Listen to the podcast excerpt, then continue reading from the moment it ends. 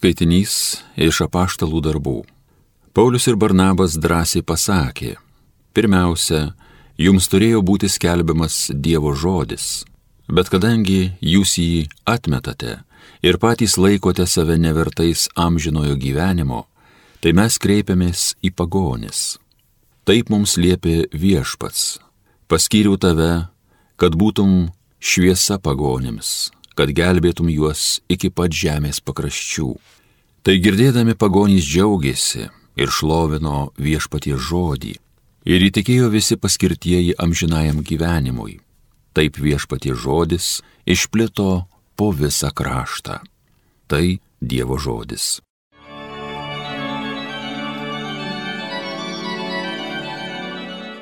Eikite į visą pasaulį ir skelbkite Evangeliją. Garbinkit viešpatį visos tautos, šlovinkite jį visos šalys.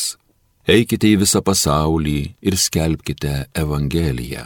Jo gailestingumas tikrai begalinis, savo pažadams jis ištikimas per amžius. Eikite į visą pasaulį ir skelbkite Evangeliją. Alleluja.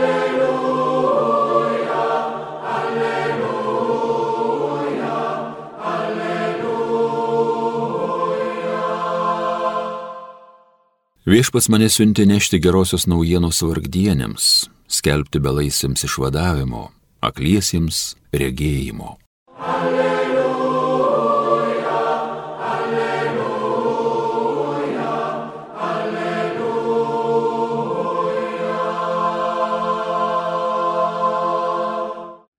Iš Evangelijos pagal Luką.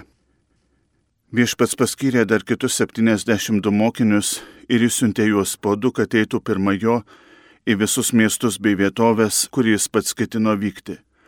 Jis sakė jiems, pjūtis didžiulė, o darbininkų maža. Todėl prašykite pjūtį šeimininką siūsti darbininkų į savo pjūtį. Keliaukite. Štai aš siunčiu jūs likavinėlius tarp vilkų. Nesineškite piniginės nei krepšio, nei autuvo ir nieko kelyje nesveikinkite į kuriuos tik namus užeisite, pirmiausia tarkite ramybė šiems namams.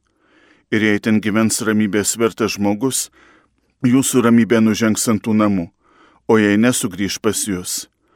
Pasilikite tuose pačiuose namuose, valgykite ir gerkite, kas duodama, nes darbininkas vertas savo užmokesčio.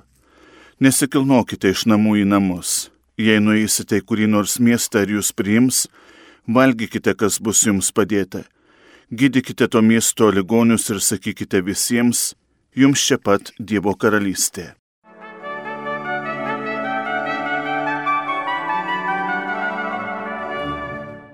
Viešpats, keliaudamas per miestus ir kaimus, matė, kad žmonės yra suvargę likavys be piemens. Matydamas tą didžiulį poreikį, Jėzus siunčia mokinius. Mokinių darbo dirba visas pasaulis. Čia nėra darbo valandų, tik platus horizontas. Ko reikia, kad apaštalavimo darbas būtų sėkmingas? Atrodo keistai, bet viešpats sako, jog šiam darbui reikalingas šventas naivumas. Jis savo mokinius siunčia, sakydamas, jog pravartu būti likavinėliams tarp vilkų. Kodėl? Atrodo, kad pasitikintys savimi savo jėgomis, adoruojantys vien savo darbo rezultatus, gali pasiekti daugiau. Tačiau tuo met, kai pirmoje vietoje yra gerėjimasis savimi, tuomet nelieka vietos Dievui. O juk apaštalai dirba Dievo darbą. Yra Dievo rankos konkrečiam laikmečiui, konkrečiai valandai. Vis dėlto apaštalavimo darbas negarantuoja saugių darbo sąlygų Čia nėra nei patogaus biuro, nei prabangaus kavos aparato, nei daugybės pavaldinių. Tačiau čia yra apščiai tų, kurie baksnuoja pirštais, tampo po teismus, už kokią nors teisingą Biblijos eilutę nelaiku pacituotą. Čia apščiai yra tokių, kurie nori palengti savo pusę, pasinaudoti, kurie nori, kad skleidžiamas žodis būtų skirtas tik jiems ir patogus tik jiems. Tai yra labai pavojingi šių dienų vilkai, dėja neretai apsivilkę kenčiančių eriukų kailiais. Sunku juos atpažinti, bet vis dėlto įmanoma. jei laikomės Evangelijos autentiškumo. Būtent Jėzus, jo geroji žinia, turi atstoti apaštalui ir marškinius, ir autuvą, ir piniginę, ir palaidinę. Jis tuo turi gyventi, tuo dalytis. Šiandieną minime šventuosius Kirilą ir Metodijų Europos globėjus. Jie buvo siūsti, kad žmogus pažintų Evangeliją, kad išgirstų Dievo žodį. Kasgi jie buvo? Kirilas, gimęs 826 metais Tesalonikuose, pakrikštytas Konstantinu, Kirilu pasivadino visai prieš mirtį, Dar visai jaunas išvyko į Konstantinopolį studijuoti imperijos universitete pas Fotijų, galiausiai ir užėmė pastarojo vietą bei buvo vadinamas filosofu. 861 metais jis kartu su savo broliu Metodijumi buvo imperatoriaus pasiūstas į Morabiją, kad atverstų vietos valdovą Rostislavą. 863 metais imperatoriaus prašymu Kirilas ir Metodijus buvo pasiūsti evangelizuoti tą kraštą. Darbas ypač pasisekė todėl, kad šie du žmonės mokėjo slavų kalbą. Tačiau broliai užsitraukė Vokietijos dvasininkų nemalonę. Ypatingai jiems buvo trukdoma tuo met, kai pasau vyskupas atsisakė išventinti jų kandidatus į kunigus. Tuomet apaštalai nuvyko į Romą pas popiežių Hadrijoną II, kuris patvirtino jų liturgijoje naudojamą slavų kalbą ir liepė priimti viskupų šventimus. Nėra žinoma, ar Kirilas buvo konsekruotas vyskupu. Jis mirė Romoje 869 m. vasario 14 d. Metodijus, arkivyskupas, gimęs Tesalonikuose, greitai tapo vienos slavų kolonijos Opsikijono provincijoje gubernatoriumi, tačiau posto atsisakė ir įstojo į vienuolius. Kartu su savo broliu Kirilu 861 metais jis lankėsi Moravijoje, sugrįžęs buvo išrinktas vieno įžymaus vienuolino abatu. 863 metais vėl kartu su broliu paštalavo Morabijoje. Grįždami iš Moravijos į Romą, jie atgabeno popiežiaus Šventojo Klemenco relikvijas.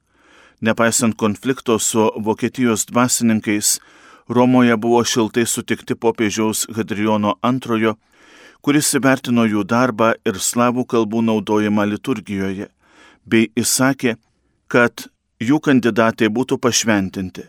Po brolio mirties Metodijus grįžo į Moraviją kur Panonijos princo Koselo prašymu tapo Sirmijumo metropolitu, o jo bažnytinė provincija įsiplėtė iki pat Bulgarijos.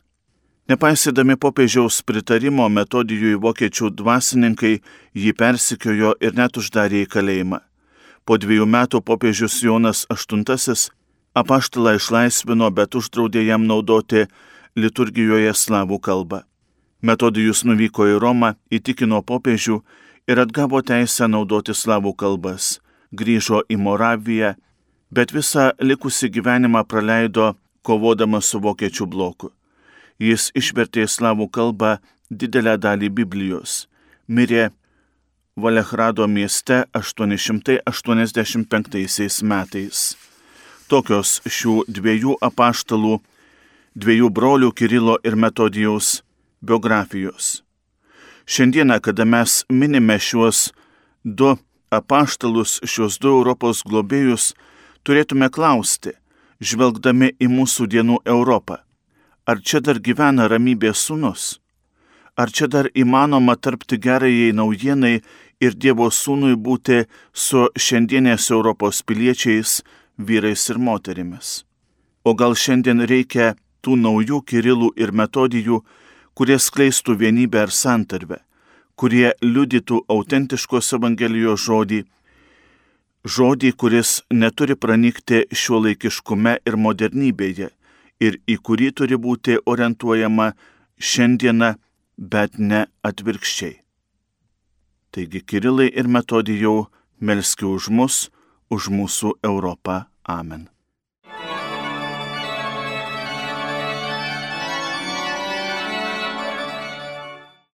Homilija sakė kunigas Nerijus Pipiras.